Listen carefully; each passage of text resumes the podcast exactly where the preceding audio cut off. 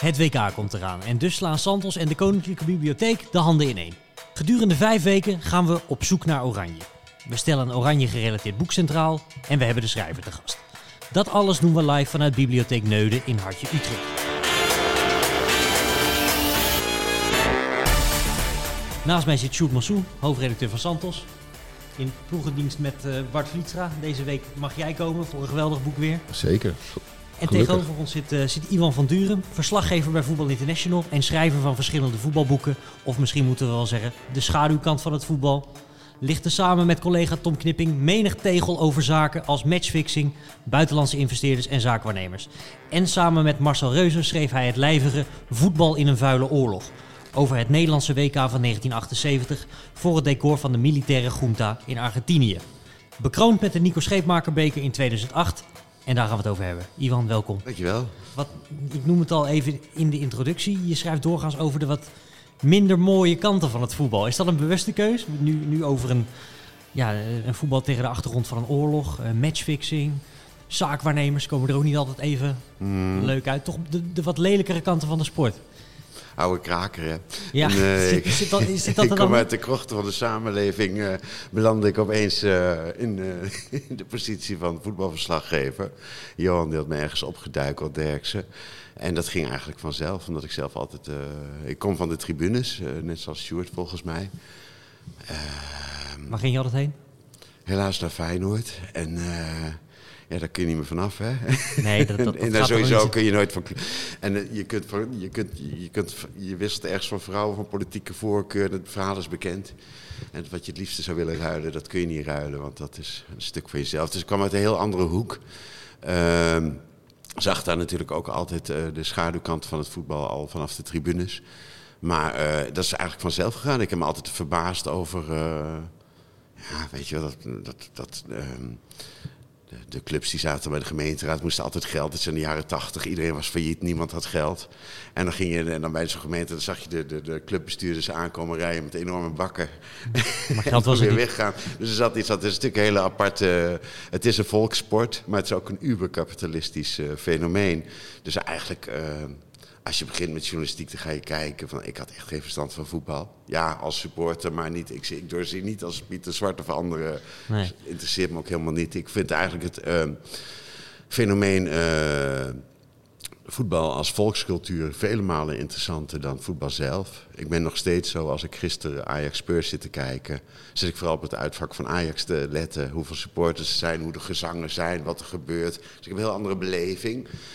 Ja, als je dan nieuw komt, en ik werd door Dirk zelfs uh, onterecht aangezien als uh, talent, dan moet je wel een, een, een, een uh, je moet wel iets kiezen wat niemand doet. Dus eigenlijk had ik zoiets, ja, wat kan ik nou doen?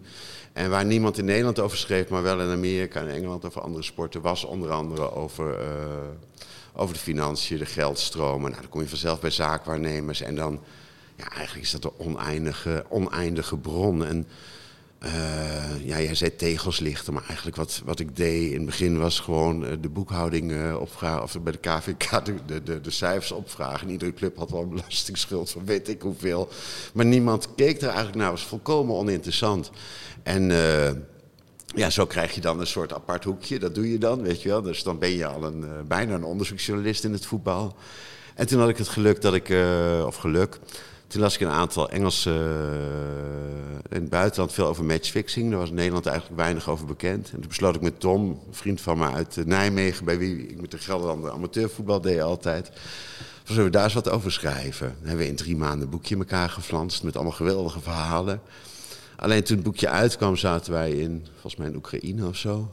Ja, ja, was dat ja, was Oekraïne in Frankov. Ja, ja, 2012 hè? Ja, 2012. En uh, volgens mij vloog Sjoerd toen nog in vanuit Polen voor iedere wedstrijd. En ik zat in Oekraïne. In een propellervliegtuig dat ieder moment dreigde neer te storten. Maar en dan moesten jullie ook wachten tot alle zakenmensen weg waren uit Oekraïne. En dan mocht de pers nog een keer van het vliegveld af. Maar dat tezijde.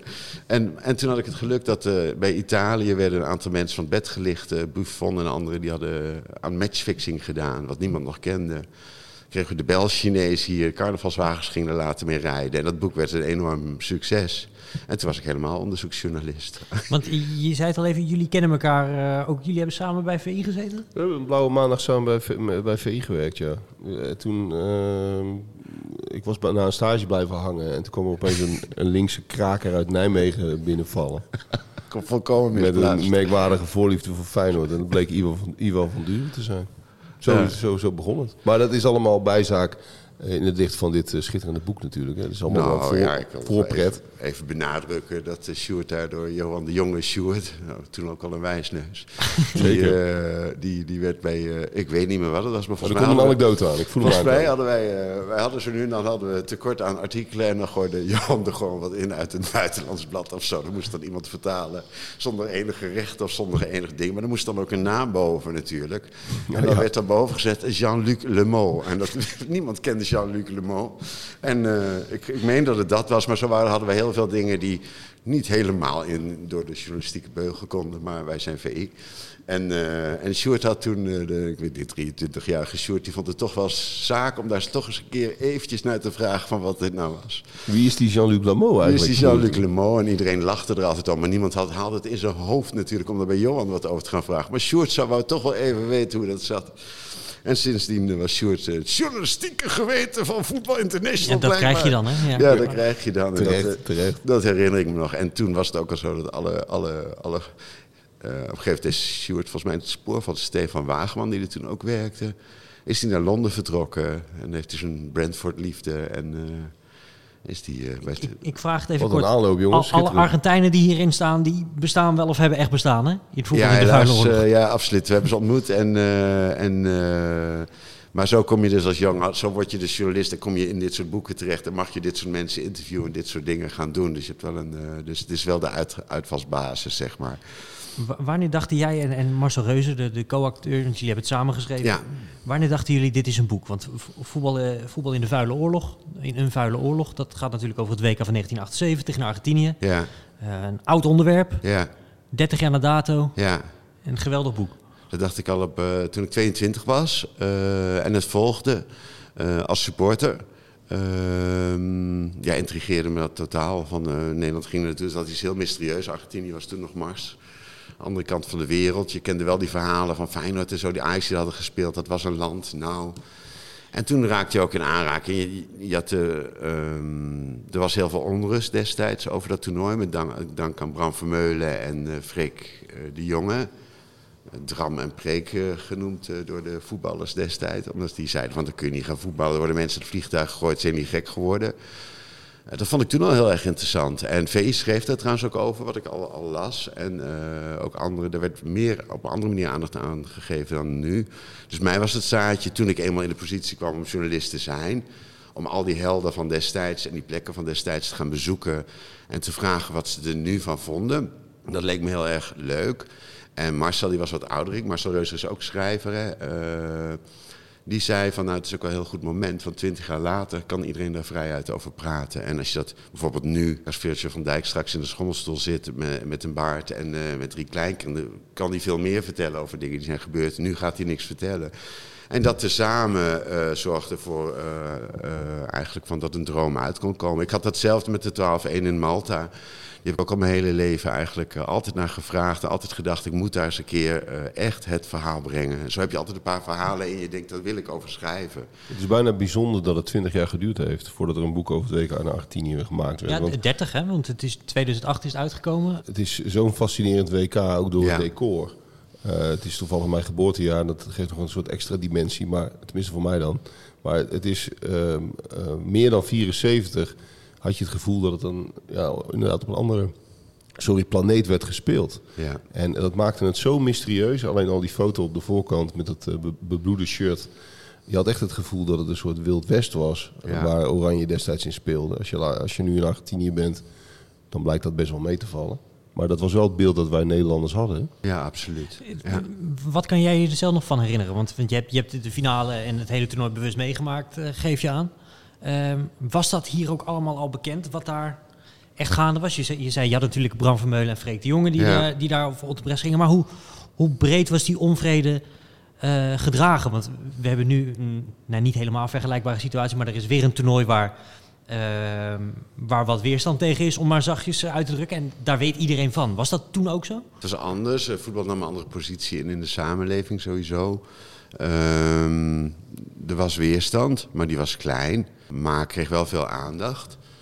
Ehm, maar het was niet zo dat heel Nederland had. De, belangrijkste acties destijds waren stickers met Trek Kruif over de streep van de tros.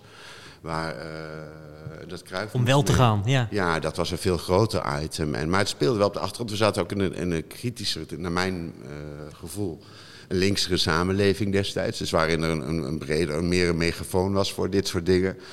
Maar dat Nederland niet zou gaan, dat is nooit ter sprake geweest of zo. Maar het, het werd gewoon benadrukt. En toen werd eigenlijk hetzelfde gezegd, ja, als we wel gaan, dan kunnen we er in ieder geval aandacht aan besteden. Maar destijds weet ik wel, Koningshuis, eh, regeringsleiders, die zijn allemaal niet gegaan. En dat waren er in Duitsland, wat natuurlijk ook veel dichterbij was, zat iedereen wel op de tribune. Dus dat is bijvoorbeeld al wel een uh, toernooi waar iedereen zoiets had van, nou, moet dat wel? Maar naarmate het dichterbij kwam en... en uh, er is over gediscussieerd in de Kamer, maar dat was allemaal backbench. Dus het was eigenlijk. Uh, maar wel zo groot weer, moet ik ook wel weer zeggen, dat, dat het verzamelen. Uh, ze konden niet zomaar weg. Er werd verzameld in de meer, zo'n geheime locatie. Vandaar naar de bus naar een achteringang bij Schiphol, want de hele Schiphol stond vol met demonstranten. Uh, dus als je het zo beziet, dan is er nog best wel wat uh, verzet gegenereerd door, uh, door, door Freek de Jong en Bram Vermeulen, die, die ook met doodkisten door de straat liepen. Maar het was sowieso een veel meer actiebereide samenleving, waar veel meer aandacht was voor acties. Uh, maar kijk je op de Cape, dan ging het om een paar honderd mensen. En in de stadions hingen geen spandoeken en, en noem maar op allemaal. Je kunt wel zeggen dat dat het impact heeft gehad. Kijk, je hebt nu natuurlijk de discussie met het WK. Uh, van moet je, er, moet je het boycotten of moet je er juist heen gaan? Kijk, 78, het regime van Videla, de verhalen daarover, die kent denk ik iedereen. Um, ik denk dat dat voor de, de foute regimes in uh, Venezuela en Colombia veel minder geldt, bijvoorbeeld. Dus het is wel zo dat dat WK, uh, hij heeft het daarna nog vijf jaar volgehouden volgens mij, Fidela. Ja. In 83 uh, verloor hij de macht.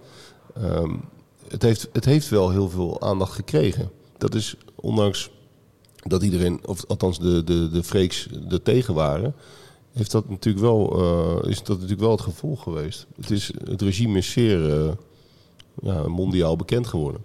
Ja, absoluut. En het toernooi zal ook altijd dat, dat, dat het bloed aan de paal was het devies. Zal, niemand zal over dat toernooi spreken zonder het daarover te hebben. Dus daar heb je wel volkomen gelijk in. En toen dit boek uitkwam, het eerste boek is ook aangeboden aan Maxima.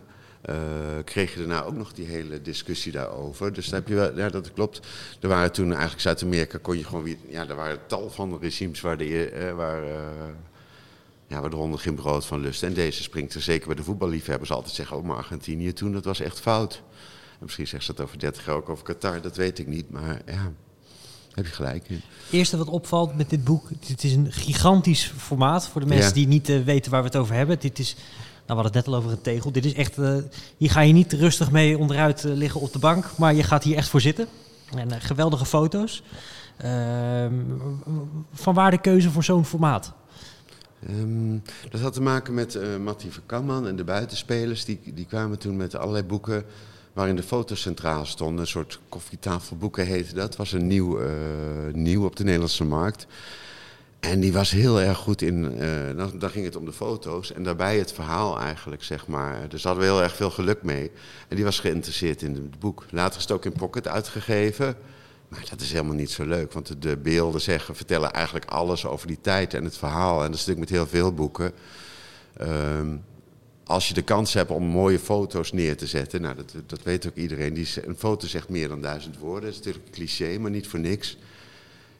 Zonder foto's was het ook een, zonder tekst was het ook een prachtig boek geweest, denk ik. Omdat de foto's vertellen het hele verhaal bijna. De, het amateurisme, de, de, de, het decor, de militairen die je ziet. En uh, dus die keuze was een geluk dat er een uitgever was in Nederland. Uh, Matte Verkammen, een oude journalist. Wat nu Kik Uitgevers is. Wat nu Kik Uitgevers is. En echt heel veel prachtige uh, boeken heeft, over clubs heeft uitgegeven. En uh, is gewoon smullen. En je betaalt er wat meer voor. En je houdt er als, als auteur destijds niets aan over.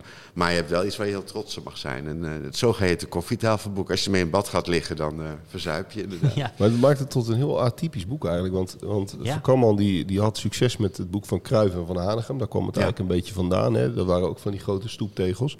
Maar dat waren een soort eerbetonen uh, fotoboeken. En dit is eigenlijk een, een soort combinatie tussen een leesboek en een, en een fotoboek. En dat is best wel zeldzaam. Normaal ja. is het het een of het ander.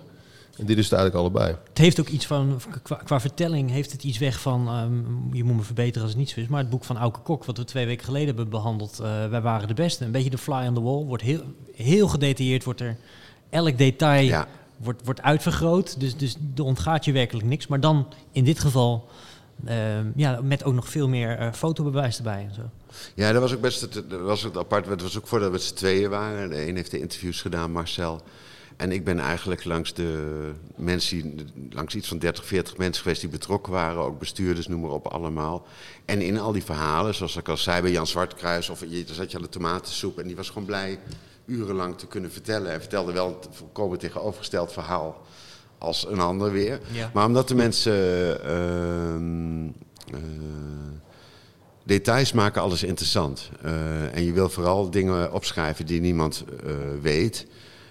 En daaruit maak je dan een leesverhaal. En ik heb zelf altijd zoiets van: ik wil heel graag boeken lezen um, die vanzelf lezen.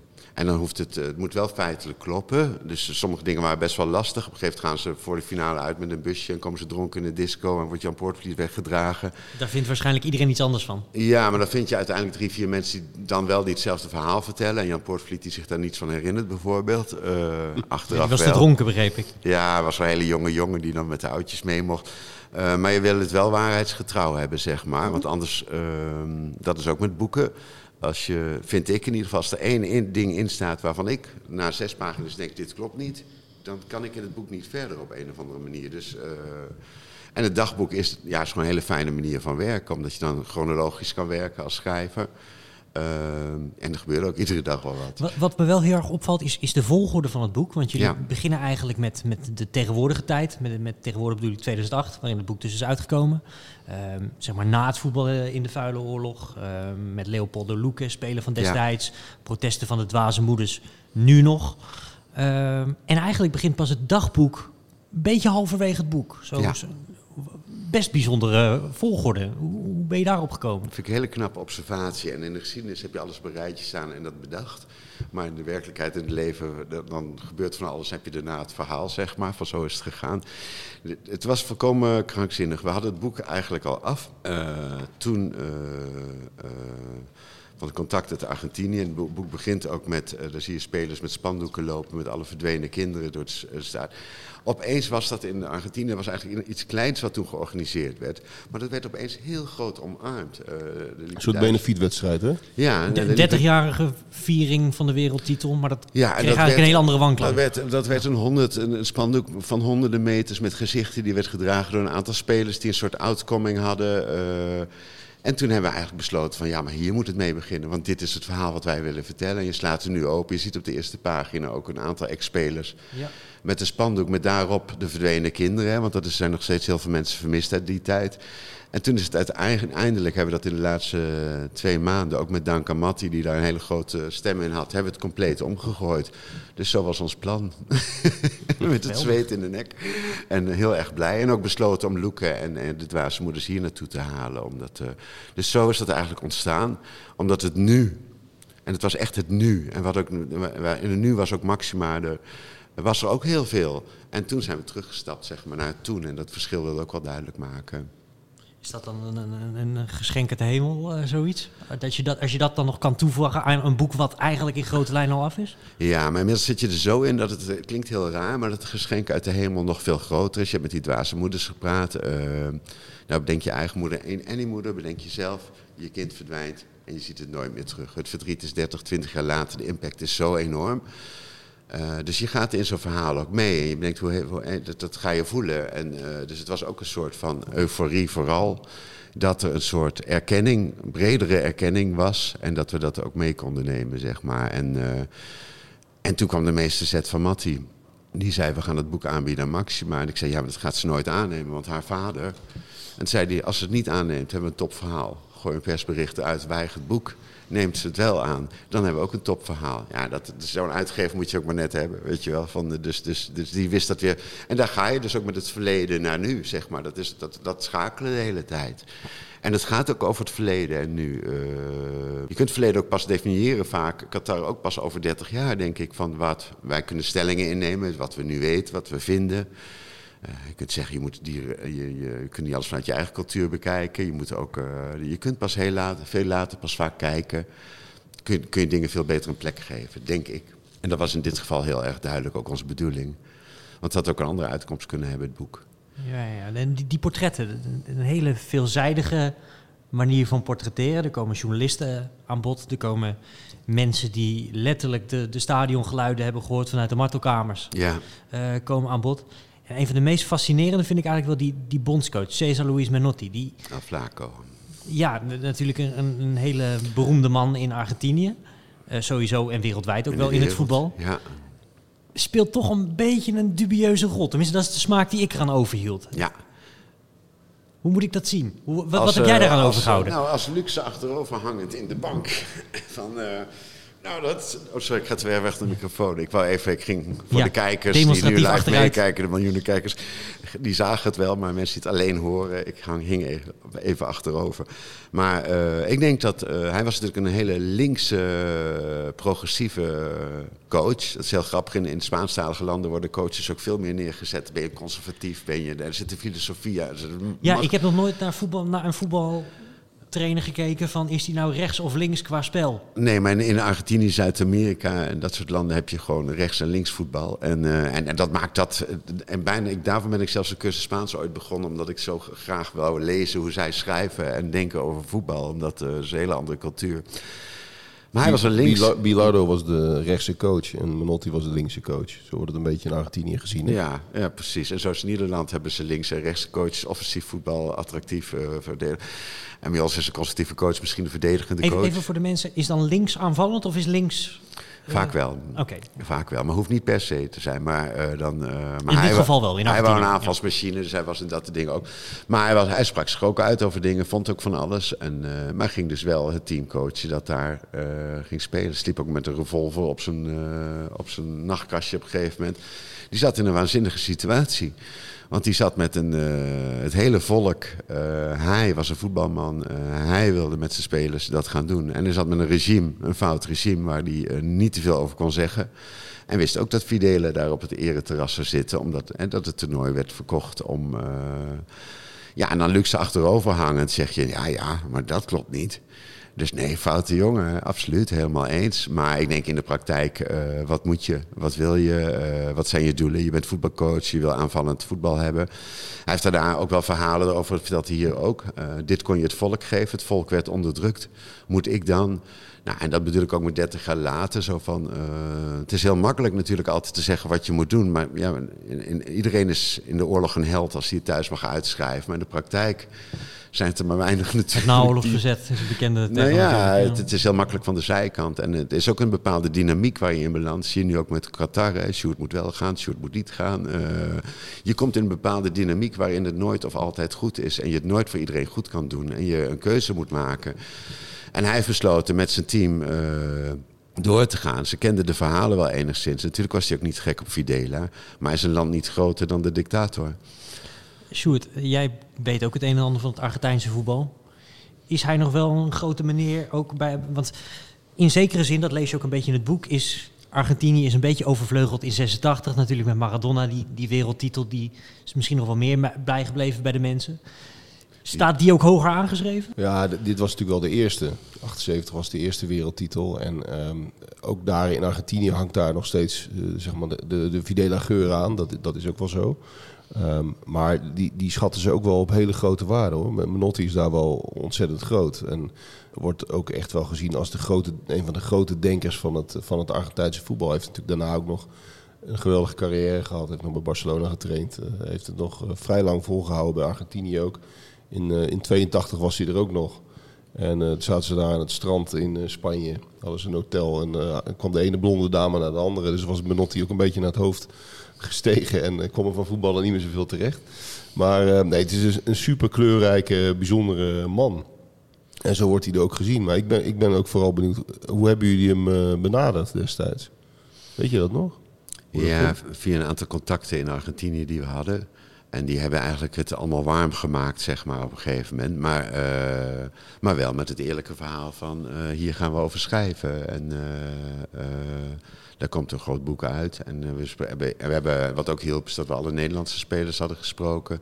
Ik meen dat Arie Haan nog veel contacten had. het is al een tijdje geleden dat we geschreven dat Arie Haan had heel veel transfers via Argentijnse makelaars en zo gedaan. Ja, bij Feyenoord.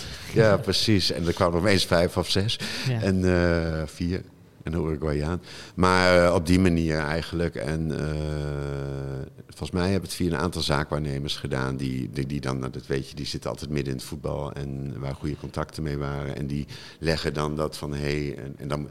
Want als je van de Emma Courant belt van ik ben Iwan of van VI Iwan, dan, komt, dan gaat het denk ik. Jullie hebben gezegd wij zijn de Nederlandse El Grafico waarschijnlijk. En dat kende exact, die.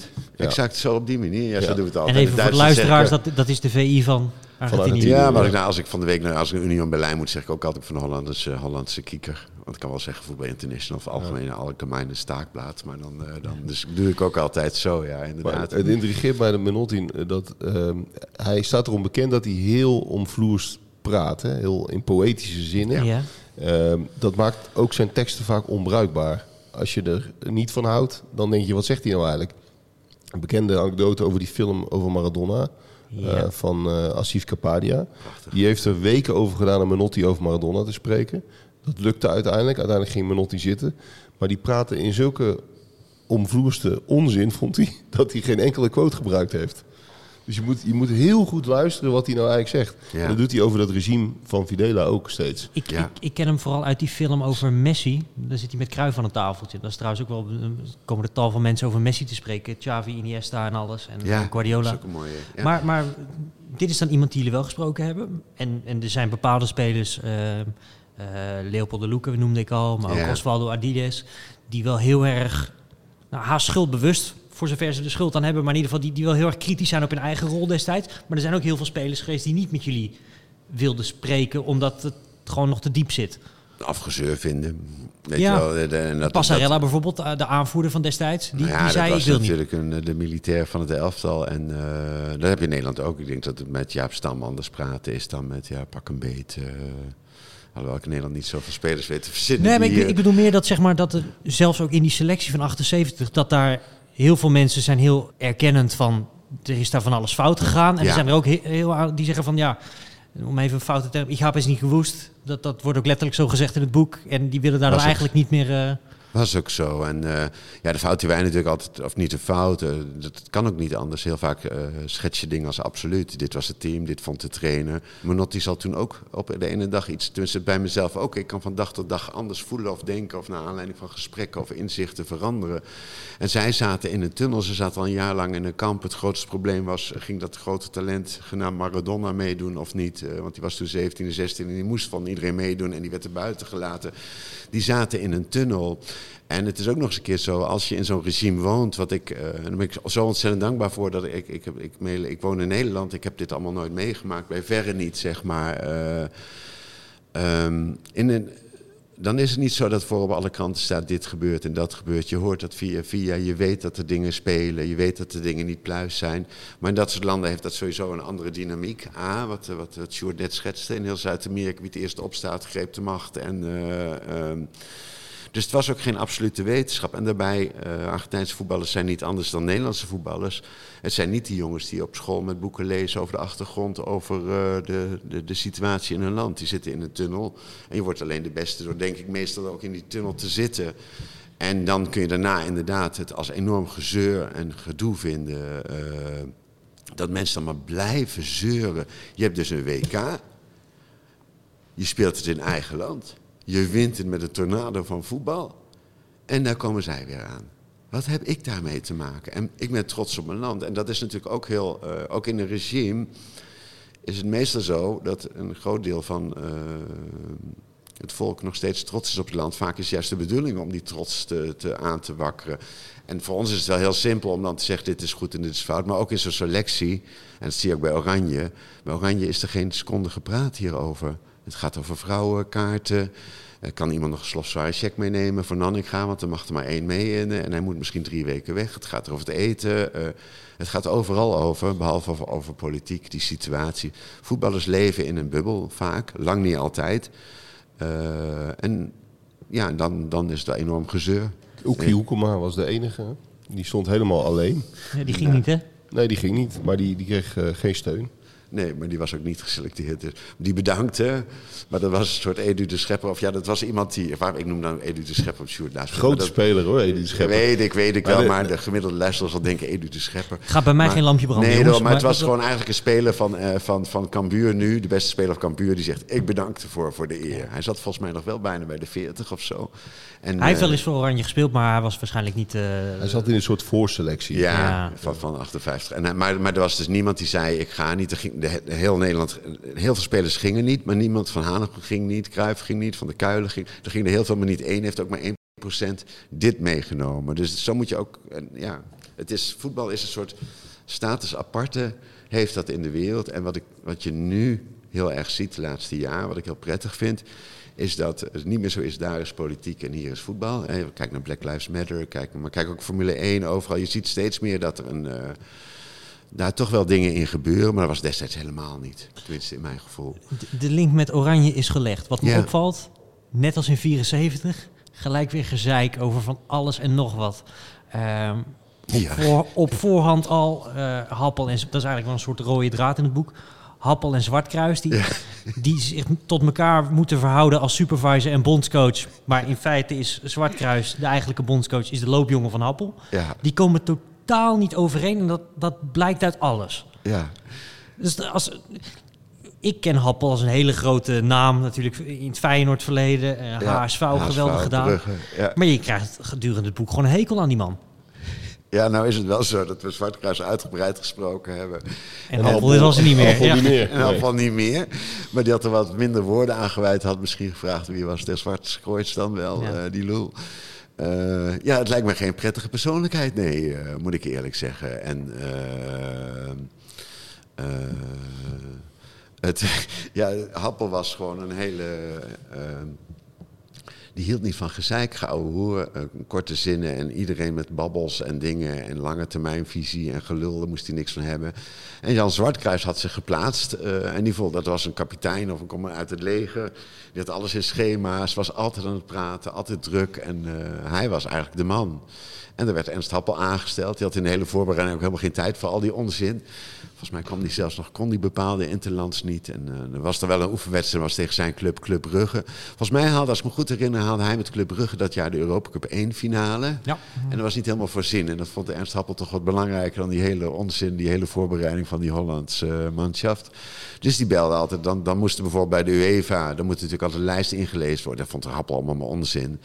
En je had natuurlijk geen mobiele telefoon. En Zwartkruis, dat was enorme druk te maken. Alles moest, en dat, alles moest georganiseerd. En, uh, en die zat dan natuurlijk al een week van tevoren. Ja, wel wat van die Happel gehoord, weet je wel. Nee, we hebben hem gebeld, een brug, maar belt niet terug. Ja, we hebben nog één dag en anders hebben we... Uh, geen selectie. En dan kregen ze uiteindelijk Happel ergens in een café te pakken. Of dan, dan hè, van, we hebben hem gesproken. Hij zegt, doe jij het maar Jan. Ja, maar wie dan en wat dan? En dan moest Jan moest dan een lijst maken van 22 mensen. En dan geeft het Zwartkruis zo boos is hij naar Brugge gereden. Van ja, ik ga naar die man toe. En die Happel die had zo'n grote bontjas, een mondaine man. Die zat te kaarten. En, uh, of mondaine was niet het goede woord, maar het was een, een een karakter. Hij kaartte wel graag, hè? Hij kaartte altijd. En daarom had hij ook bepaalde mensen meegenomen. Dat vond hij eigenlijk belangrijker, dat hij kaartjes bij zich had dan goede voetballers. En dan kwam die Zwartkruis. En dat helpt al te zuchten, dan heb je die weer, weet je wel. Maar Zwartkruis helemaal over de rooi, alles. We kunnen die voetballers nog nooit gebeurd. Dat er geen lijst voor de ingeleverde UEFA. Ik kan toch niet alles doen. En uh, ik zei, al wie wilst u dan? Ja, uh, dat is wel een goed talent. Die van, uh, weet ik veel wie. Nooit Brands of zo. Annie Brands ken, ken ik niet. Mag maar een liest. Ja. En dan daarna kwam Happel. En dan speelden die jongens, waar die er. En dan zat Happel er was is dat gewoon, die kan niet voetballen. Wij had die geselecteerd. En dan ging Zwartkruis helemaal uit zijn pan. En zo ging het dag na dag. En iedereen liep natuurlijk bij Zwartkruis te zeiken. En op een gegeven moment Zwartkruis moest de trainingen doen. Maar toen het echt allemaal begon, moest Zwartkruis dan eigenlijk voor het debiele busje zorgen. Happel was ook zo'n figuur. Hij wou niet al die reserves, die idioten van de Jan. Eh, al het jonge talent, want Jan wou doorselecteren en zo allemaal. En, die, allemaal, die moest dan een apart busje achter de spelersbus aanrijden. En daar moest Jan voor zorgen. Hij gaat ook eigenlijk ehm, praktisch zonder tactieke toernooi in, hè? Want Iran kan er niks van. Peru die, die, en Schotland speelt al 100 jaar op, op dezelfde manier. Het is een beetje als als ik Johan Derks vaak over voetbal de vraag zijn mijn analyse over, uh, over Liverpool. Zegt hij allemaal oog voor de pot, sterke voorstoppers. Dat is fantastisch wat je hoort. Je gaat weer terug naar de jaren 70 of 80, weet je wel. En dat Happel ook. Die dacht in bepaalde, ja, die kunnen daar, die kunnen daar allemaal niet voetballen. Had geen idee. En hij, hij koos, en deed me ook een beetje aan Johan denken op de redactie. Hij koos altijd voor 1, 2, 3 man die dan uh, voor hem belangrijk waren. En die moesten het dan maar gaan doen en uitzoeken. En, daar, en die zeiden dan, doe die maar of doe die maar. En dan moest het wel goed komen. Want hij speelde in het begin ook met praktisch heel 1974, om maar even zo te zeggen. Behalve Cruijff en Verhaanigen, die er natuurlijk niet bij waren. Maar hij ging gewoon door op wat hij al kende. Ja, Van Hanegem was wel heel raar, want die had hij natuurlijk bij Feyenoord, dat waren, die hadden een unieke band. Uh, hij ging eigenlijk op hetzelfde door en uh, er is nog nooit een Nederlandse ploeg, kijk 74 was, brak eigenlijk alle records qua overtreding, want iedereen heeft het altijd over ons totaalvoetbal. Maar Nederland staat ook als je. Ik ben helemaal niet van Opta en zo. Maar kijk maar welke ploegen het hardste, het gemeenste, de meeste overtredingen hebben gemaakt op WK's. Dat zijn al die grote oranjes. Dat was in, in, in Zuid-Afrika al zo. Maar dat was in 74 ook zo. Het schopte naar alles wat los en vast zat. En Argentinië had het. was echt een monsterlijk. Het was echt monsterlijk. Maar er was, niemand had ook een idee. En ze hadden het totaal onderschat. Maar de hele reis ernaartoe, dat lees je ook. Ze zitten 30 uur in vliegtuigen, bussen, komen ergens in de bergen terecht. Iedereen is blij dat ze eigenlijk een keer... Via Liberia naar Brazilië. Het, is onvoorstelbaar allemaal. maar dat, dat is ook zo heerlijk aan dit boek. En dat was trouwens ook in het boek van, van Auke, is lees je dat ook zo terug. Dat de, de kleinheid van voetbal nog. De, het amateurisme, uh, iedereen doet maar wat. Gezeik over geld. Ja, en, en ook de manier waarop dingen georganiseerd zijn door de KVB was natuurlijk een hele kleine bond met een stel uh, amateurs aan het, aan het roer. Ja. Dat, dat, lees je ook heel tijd terug, ook in de keuze van het, van het hotel alleen al. Ja. Het is een schitterend hotel, want er wordt in het boek heel veel gezeikt, gezeken over het hotel. Ja. Het ligt op een uurtje van Mendoza, dat Potrerios is het. Ja, heel goed. Maar het, is, uh, het ligt werkelijk... Aan de voet van de Andes? Ja, maar het ligt fantastisch aan een meer. Het, het is, het is een droom voor... voor uh, schitterende plek. Maar, maar, die spelers vervelen zich natuurlijk helemaal, helemaal kapot. Want er is niks, hè? Ze hebben geen telefoonbereik, die lijn ligt eruit. Ze hebben geen, geen tv of nauwelijks. De jongste kamermeisje 68. Ja, ja, dat ja, dat, dat, dat, bij voetbal is ook niet goed, hè? Zeker niet in die tijd. En dan liggen ze met z'n drie op een kamer. Het is alleen maar gekanker. Maar je hebt mensen als Jan Boskamp. En je hebt mensen als. Het zijn ook allemaal. Uh, ze lopen allemaal te zeiken en te doen allemaal. En het voetbal komt er maar bij. Dus zijn blij dat ze eigenlijk te wijden mogen. Ja, en dan is het gras natuurlijk te lang en dan gaat alles mis. En uiteindelijk wordt ze ook bijna uitgeschakeld in de eerste ronde al. Ja, het, het, amateurisme vond het meest opmerkelijke verhaal qua amateurisme is dat ze 51.000 dollar in een taxi laten liggen. Het deelnamegeld van Oranje op het WK. Dat gaan ze ophalen ergens in Buenos Aires. En dat raakt nog bijna kwijt ook ja, in de sporttas. Ja, dat was wel heel erg. Dan zit je, soms heb je als journalist zo eens in zoveel tijd zitten gloeien als iemand een verhaal vertelt. Want dan weet je in je achterhoofd, hé, hey, dit is nog nooit, nog nooit.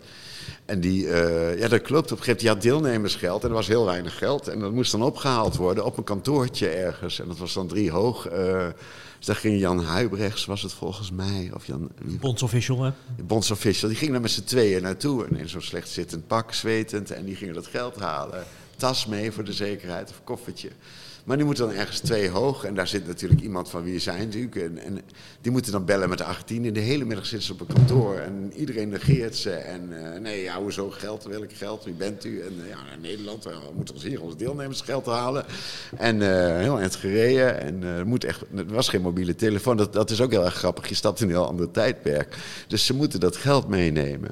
En uiteindelijk, dan komt er inderdaad iemand aan van... ja, er is gebeld en dit en dat. En dan wordt er inderdaad een koffer neergezet. En zijn ze helemaal euforisch. Eindelijk, we hebben ons geld als deelnemersgeld.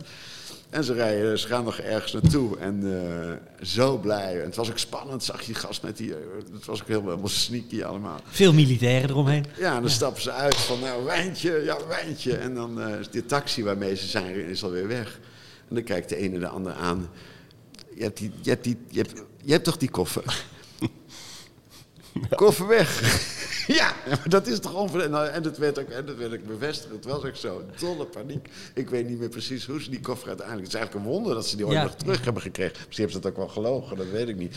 Maar dat soort amateurisme, dat, dat is... En dat is nu nog op veel hoger niveau. Want we denken nu allemaal... Uh, maar, en dat soort dingen gebeuren eigenlijk dag na dag.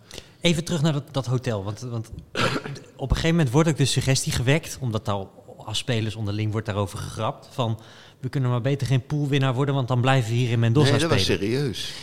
Is dat echt zo?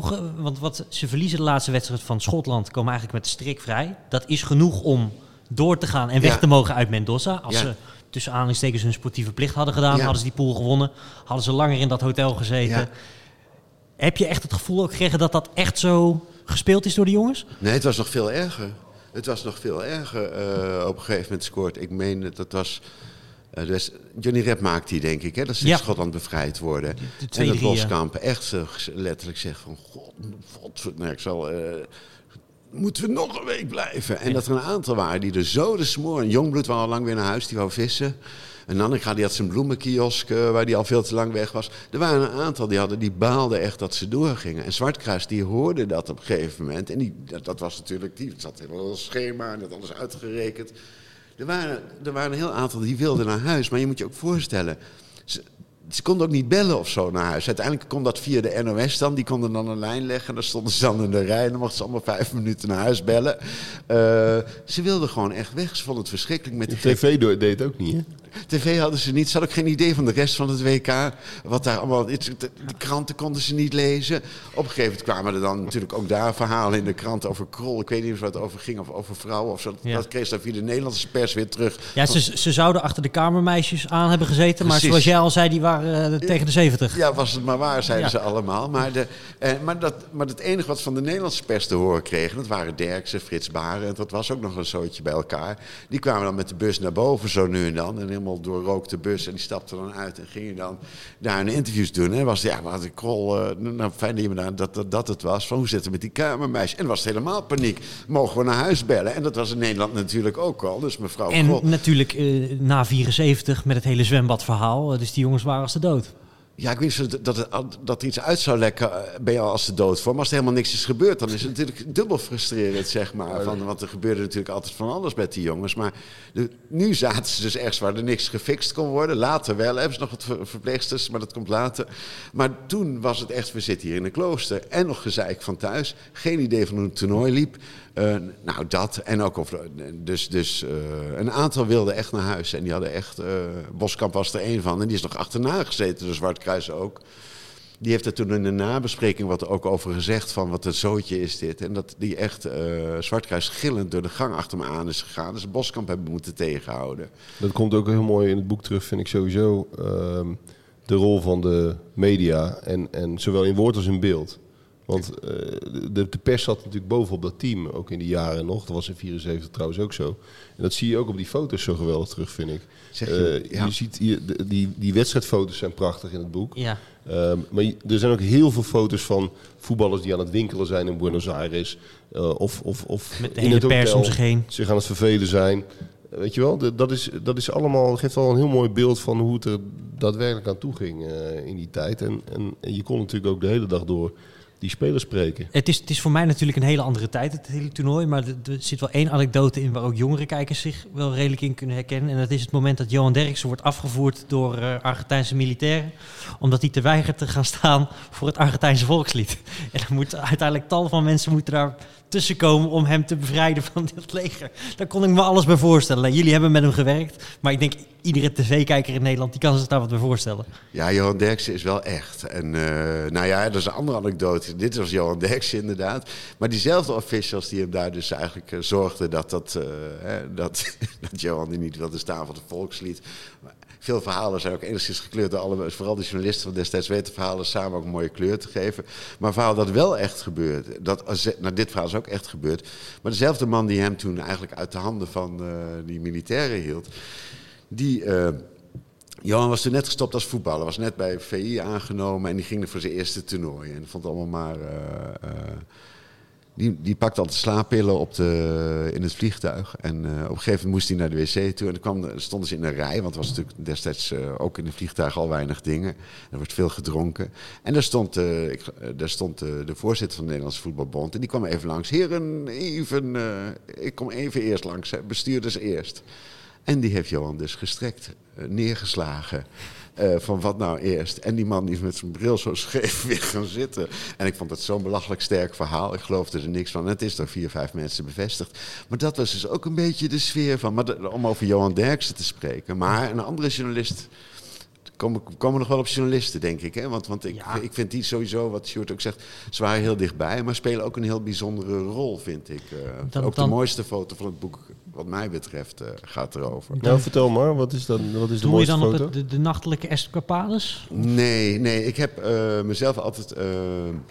Je, eh, iedereen is een held als het geen oorlog is. Hè? En, Ja. eh, en ik weet ook niet. eh, ik vind Frits Barend altijd heel erg. Om, om de naam maar meteen te noemen. Ja. Erg druk, erg vol van zichzelf.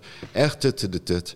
Eh, en dus het is niet zo dat ik per se zeg van. Oh, fantastisch allemaal. Maar. Hij was niet bang. Ik weet welke foto je bedoelt. Ja, Ja. Ja. nou, en daar heb ik echt een kwartier naar zitten kijken. En daarna ben ik er ook alles over gaan eh, zoeken. Het banket na, na de Ja. finale.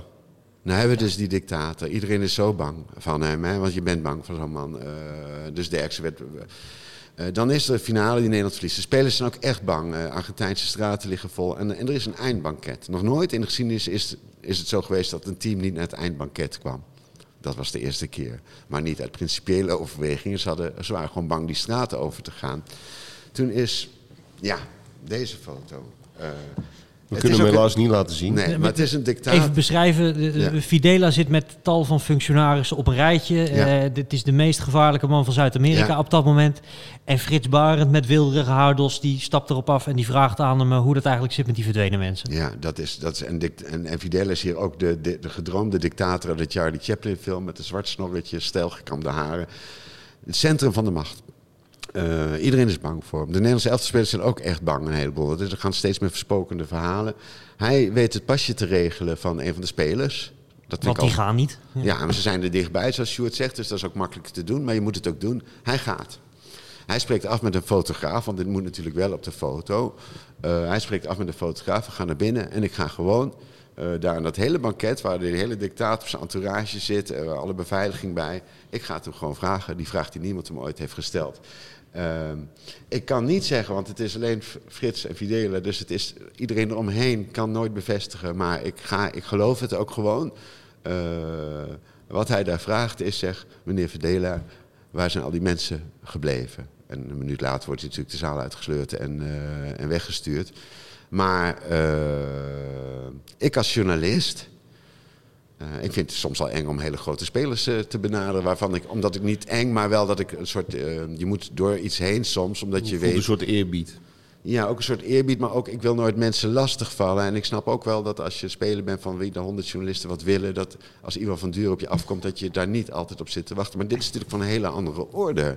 Je bent aan de andere kant van de wereld. eh, Barend was er met eh, Van Dorp, al kritische, die hebben heel veel kritische artikelen geschreven. Vrij Nederland, waar Jan Jongbloed ook een heel mooi eh, dagboek had.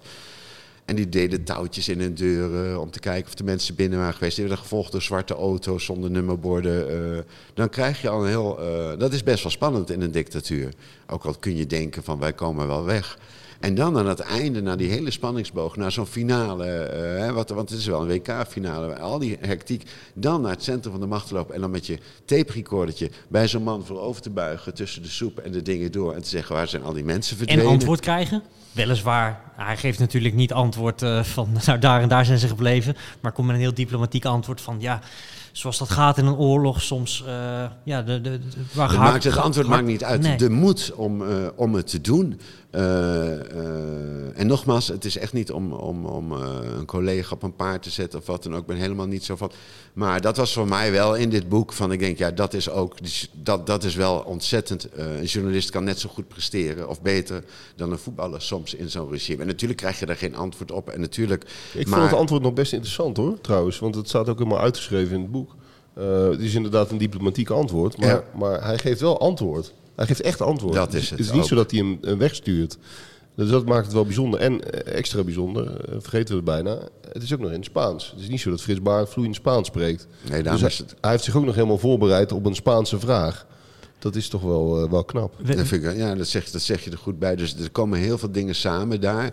Die, eh, ook met het oog op Qatar. Moet je je voorstellen nu. ja. Moet je je toch voorstellen. En het is nu natuurlijk, je komt er niet meer doorheen. Maar ik moet je je wilde net zeggen, voorstellen. de emir. Hè, ik wil niet je plannen nu alvast. eh Sjoerd, Maar- kan niet maar- alles Nee, verpesten. maar, Nee, maar- maar- hè, maar, maar moet je je voorstellen dat. En dat één Europese journalist die vraag stelt Maar aan ik- dat banket was een hele. aan- nou, dat vind ik zo. Ik vind het daar nog gedurfder, omdat in de huidige tijd is het. lastiger om dan zeg maar voor het oog van de wereld een boevenstreek uit te halen. In die tijd als Frits Barend daar was verdwenen, ehm, was dat niet, zoveel, niet zo bekend geworden als, uh, als dat nu zou zijn, zeg maar. Nee, en, en, en dat. Uh, en dat, dat uh, en Sjoerd schetst wel terecht, want het was toen mogelijk om een kaartje via Nederlands elftal te spelen. Nu was je, had de KNVB daarvoor gaan liggen, was er allemaal honderd, waren er honderd dingen waar je door niet de langs was gekomen.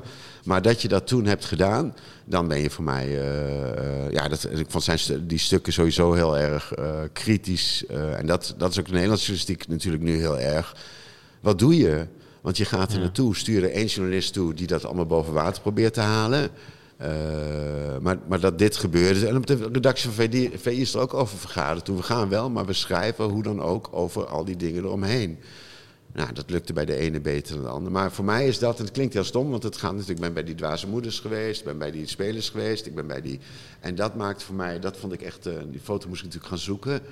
Ja, ik kan, kan er uren naar kijken. Ik denk, had ik dat gedaan? Ik had het niet gedaan. Wat, wat, wat, was jouw grootste ontdekking waar je achter kwam gedurende het schrijven van het boek? Gedurende de research? Uh, want je hebt, je hebt het toernooi als, als jonge jongen heb je het gezien. Ja. Dan heb je er een beeld bij. Ja. Vervolgens spreek je tal van betrokkenen hier aan de overkant van de oceaan. Uh, mensen met een belangrijke rol in die tijd. In hoeverre heeft het jouw beeld veranderd? Heeft het je milder gemaakt in een bepaald opzicht? Want bijvoorbeeld, het, het was heel makkelijk roepen misschien van we hadden daar uh, niet heen moeten gaan, of wel. Of uh, hoe kan je dat nou zeggen? Nou, ik denk dat Sjoerd al voorzet heeft gegeven dat het... Uh, er is later ook een FC Knudde boek uitgebracht. Of dat was toen ook FC Knudde gaat naar Argentinië. En, en in Argentinië waren hele reclamebureaus bezig om te verkopen. Uh, je ziet een, een, een, een, groep jongens, jonge jongens eigenlijk, zie je ergens naar, naartoe gaan. En die gaan voetballen. Uh, wij kijken voetbal. Um, dan heb je het bondsbestuur. Nou, dan heb ik je net ongeveer geschetst hoe dat destijds in elkaar zat. Uh, die waren ook al blij dat ze er waren en hun geld kregen. Um, ik ben wel terug gaan kijken naar dat, hoe belangrijk de rol van journalistiek is. Ik heb al die wedstrijden natuurlijk ook nagekeken. Dat me bijvoorbeeld opviel dat op tv werd er wel wat over gezegd. Maar ik was toen, nou ja, ik was toen wel twintig al. Dus ik had al een, een leeftijd waar je alles kon bekijken. Maar dat de verslaggeving van wat daar gebeurt, uh, dat die taak toch groter is dan ik dacht. Omdat je van bestuurders, uh, ja, ik wil niet lullig doen, maar bestuurder word je meestal niet voor niks. Dan moet je ook met alles meegaan en altijd in het midden een beetje uh, door kunnen glijden. En je kunt wel één keer heel hard stelling nemen, maar dat is dan meestal ook het einde van je carrière. Dat is niet de bedoeling dat ik achteraf wel heb. Uh, mijn grootste ontdekking is eigenlijk dat we toen uh, wel best heel erg trots mochten zijn op onze journalistiek en vooral de schrijvende pers. En dat heb ik me destijds niet beseft, omdat ik, ik volgde dat toernooi, ik las die stukken. En het was eigenlijk normaal dat overal dingen werden geschreven door, door Frits Baart, dat Jan Jongbloed ook een, dat Vrij Nederland erover schreef. Want ik denk ook, er wordt nu gekeken naar de sportredacties heel erg. Maar ik denk, Destijds waren het wel bijvoorbeeld inderdaad Vrij Nederland, een aantal anderen, die heel erg zoiets hadden. Wij gaan ook en wij gaan doen waar wij goed in zijn.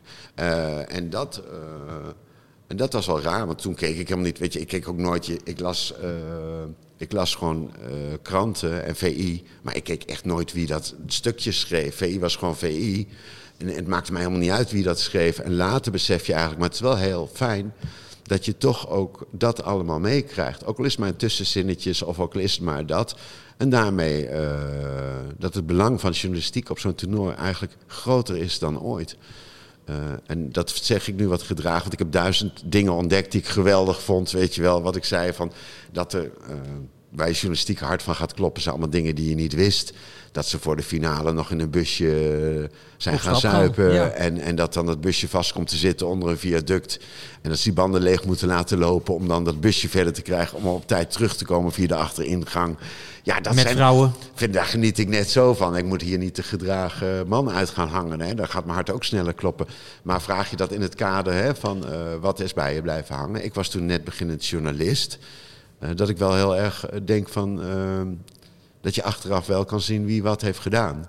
En dat we daar best trots op mogen zijn, de mensen die daar waren. Even over die finale dag nog. Daar, daar, daar is heel veel over geschreven. Ja, uh, de hele... spelers waren, hebben later aangegeven dat ze bang waren. Dat ze, als ze daar zouden winnen, dat ze daar niet levend weg zouden komen. Wat, wat, waar de Argentijnen heel fel tegenin gaan. Van ja, jullie waren het misschien wel het veiligst van iedereen uh, op zo'n moment.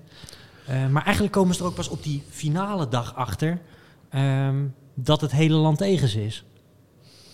Daar Nou. schrikken ze dan van. Onderweg naar het stadion. Dat ze dan pas merken van, hé, hey, Ja, dat was, dat was wel een beetje. ehm, het was een kermis en een hel voor die jongens. Eh, ze hadden aan de ene kant succes.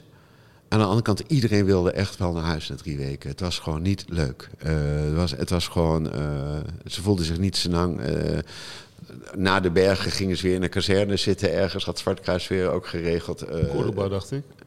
Ja, het zou kunnen dat het in Cordoba was of in Buenos Aires. Maar in ieder geval, het was geen fijn toernooi. En kijk, in Duitsland moet je je voorstellen, het toernooi ervoor. Heel Nederland in het oranje, eh, iedereen kwam langs. eh, ze konden alles op de Duitse tv zien. Ze hadden zoiets, iedereen wilde gewoon weg naar huis. En die finale moest dan nog maar. Ehm, en die zouden ze dan ook wel even gaan winnen. Maar inmiddels was er een elftal van, ja, met, met vijf jongelingen erin of zo. Het was eigenlijk absurd. En de Argentijnen, ik denk dat eh, in mijn beleving is hoe fijn het is. Ajax heeft ook wel eens gespeeld, geweigerd de Wereldcup daar te spelen. Hè? Omdat eh, voor- de Wereldcup gewoon niet willen spelen. Omdat ze zo hard zijn, dat ze agressief is. de omstandigheden. Ja, precies. Gewoon geweigerd. Ehm, je hebt tegen Feyenoord toen ook de grootste boevenstreken uitgehaald. Klopt, en, en, maar dat is Argentijns voetbal, is intens. Het Argentijns publiek, ik vind het het mooiste om, eh, om ter wereld om ze te horen zingen en de passie te zien. Maar het is wel erg veel passie. En als je in een busje zit en ze lopen allemaal aan je bus te schudden, dan is dat heel erg. Maar ik weet niet of de busreis van Feyenoord in Marseille eh, een half jaar geleden minder heftig was als die reis. Maar het was in hun optiek inderdaad, iedereen is tegen ons. Lijkt me ook logisch. Je speelt de WK-finale en, eh, en daar gaat het met. Dan gaan mensen met scootertjes en dan gaan ze tegen je bus aanduwen. Eh, maar de, en het, dat is super intimiderend, ook voor Hollandse eh, jongens van de gestampte pot. Dus ik denk dat je dat zo moet zien, zeg maar, voor mijn gevoel. Een WK-finale in Argentinië, nou heel veel succes, ga, dan maar, ga daar maar. We hebben het hier wel eens over de heksenketel in de Kuip. Nou, Keer tien. ik kan, ik kan er niet eens een... Het is gewoon... Ik ben er nooit het is Jij, gewoon- jij wel, Sjoerd. Maar dat- Dat onderschrijf jij, denk ik. Want je komt er ook graag. Ja, nee, het, het is super intimiderend. Maar al heel- kijk, nu hebben, we- krijgen we dat nog mee via YouTube. Je weet ongeveer hoe het is daar. Want, en we gaan er bent naartoe dan voorbereid. toen. Ja. En, en, en toen was het natuurlijk een volkomen vreemde wereld voor die jongens. Het was, eh, ja, het, dat, ik vind ook zo mooi altijd Ze werden nooit onheus bejegend nog in die tijd. Weinig, denk ik, in Nederland. Je had wel wat hooliganisme wat opkwam, maar in principe stond het allemaal nog redelijk in de kin. Het was allemaal best braaf hier, denk ik. Ja, in maar 78. z- zeker. Maar ik vind ook zo mooi aan, die- aan die beelden van toen. Het, het, is, het is zo donker, weet je wel. Het is zo... Ja, Het voelt als, als echt een andere... wat leuk dat je dat dimensie. zegt, dat- ja. Ehm, ik kan me heel goed voorstellen dat je daar als, als, als eh, René van der Kerkhof denkt... waar ben ik nou toch beland? Je ziet trouwens een geweldige foto van René van der Kerkhof... die een Suske en Wiske leest in het, in het Ja, boek. mooi, hè? Vind ik, vind ik het prachtig. Op het ene moment leest hij een Suske en Wiske... en het volgende moment staat hij in het stadion van River Plate... met 100.000 doorgedraaide Argentijnen. Dat is toch... Met allemaal kleine zwarte snorretjes. En eh, ja, ja, dat zijn ja, gewoon ja, hele ja. spannende. Eh, ik, ja, ik was gisteren Abeltje aan het voorlezen aan mijn kind. En dat is dan ook in een vers Zuid-Amerikaans land, een dictatuur. Allemaal boze en schreeuwende mannetjes met zwarte snorretjes. Het is doodeng voor Abeltje. Dus altijd, iedereen is boos. En wat is er verstaan niet. Dus dat moet je ook een beetje voorstellen. En zo was het voor hen, denk ik, ook een soort Abeltje. Dat ze daar met een lift landen. En zoek het maar uit. En dan met die gek van Happel die met niemand wel wilde lullen. En, eh, en ook in een compleet. eh, ze hadden ook nog nooit zoiets meegemaakt. Want die finale, ik heb verteld dat daarvoor zijn ze dus uit geweest, een heel stel. En eh, komen niet meer terug, want het busje zit vast onder een viaductje. Maar er gebeuren ook de raarste dingen. Je moet je eh, voorstellen, we hebben de WK-finale. Jack van Gelder zet iets van het hotel af. Zuurbier was er ook. Nou, die hield ook van stappen en van alles. En die, komt, die, die, die klopte aan bij Van Gelder op de wedstrijddag. Van, eh, kom eh, Jack. En waarom klopt hij eraan? Want Jack die heeft wat biertjes staan. Even wat, eh, en ik, ik doe niet mee, ik moet in het debiele busje. En, eh, Jack die trekt er een biertje over, ook bevestigd van meerdere. En, en hij drinkt een paar biertjes en gaat dan terug, want ze moeten zo laat naar het stadion. Maar hij komt teruglopen en dan komt een half overspannen zwartkruis aan. Waar was je? En hij ziet dat bord staan met de opstelling. Zuurbier speelt de finale. Ja. En een compleet, daar heeft hij dus al, diezelfde dag heeft hij een paar biertjes, heeft hij dus 's ochtends gedronken, wat melk naar binnen. We zitten ook in een echt een compleet andere wereld. Dus eigenlijk is het zo van, je, alsof ze op Mars zijn geland, werkelijk. En niemand is erop voorbereid. Precies wat Stuart zegt. Nu kijk je even op YouTube en je weet gewoon wat, wat je kan verwachten. Maar dit was echt een reis van 30 uur. En eh, ze zijn ook na de finale gevlucht. Ze hebben vroeger uh, uit het hotel op vliegveld gaan wachten. En bij de eerste tussenlanding op Curaçao is het hele soortje uitgestapt. Ze, ze waren al voordat ze Curaçao waren allemaal zo dronken. Dat iedereen wou gewoon naar huis. Nooit meer dit wieder, Maar niet Niewieder, niet wieder fel regime, maar nooit meer zo'n toernooi. Um, jij gaf de rol van de journalistiek aan. Wil ik nog even benadrukken dat uh, er een heel groot krantenartikel of uh, krantenarchief is op delver.nl. Ja. kunnen mensen gratis gebruiken. En dus als mensen nou zelf nog eens na willen lezen hoe er in die tijd over het WK in, in Argentinië werd geschreven, of over de, de, de burgeroorlog en de junta in Argentinië in het algemeen, kunnen mensen dat gratis teruglezen. Um, even over jou, Ivan. Wat lees je zelf graag? Heb je nog een tip die je aan mensen mee wil geven? Waar, waar je, wat je recent hebt gelezen? Mag een sportboek zijn, mag wat anders zijn. Wat vind je zelf nou echt interessant om te lezen? nou, ik heb gisteravond... Was het, ja, je hebt eh, gisteren Abeltje gelezen, wat, wat ook heel leuk is trouwens. daarna ook de jong die op zijn zestigste uh, zijn rijbewijs gaat halen. Die zat ik niet allemaal aan. Dat lijkt me niet zo dingen. Uh, ja, als je een boek echt... Ja, mijn favoriete boek alle tijden... Zou ik dan doen. Maar dat is bij voetballiefhebbers al bekend. Maar heel veel mensen snappen niets maar ook helemaal niets. En, en verachten mij er bijna om hoe je als gezonde vent met een gezond verstand je zo druk kan maken over voetbal. En dat snap ik ook. Ik begrijp dat. En mijn, er is één boek geweest dat het benaderde ooit. Uh, een, uh, een, man die beschreef uh, hoe gek hij werd. Hoe belangrijk voetbal voor je kan zijn. Het is een Engels boek. Ik zeg de club en dan, zal, dan weet ik zeker dat Sjoerd meteen zegt... Dat is dat boek. Dat ik het weet, ja. Jij ook? Nou, ik zeg, het ging over Arsenal. Ja, Fever Pitch van Nick Hornby. Ja, en, Daar, en dat is uh, uh, voor mensen die niet van voetbal houden en willen begrijpen wat al die idioten. Want ik snap het ook, het slaat ook helemaal nergens op. We hebben nu ook wel van voetbaltoernooi in Argentinië en er zijn zoveel belangrijke dingen. Wat deed ons Koningshuis? Wat, waar gaat dit over? En toch, uh, ja, dat. Dus dat zou ik. Dat zou ik het is een heel oud boek al hoor, het is vertaald in Nederlands. En uh, je hebt het in een uurtje of twee uit, dus je hoeft je ook niet bang voor te zijn. Maar wil je begrijpen wat, wat al die idioten bezielt? En volkomen terecht vraag je dat af, dan zeg ik, ja, lees Fever Pitch.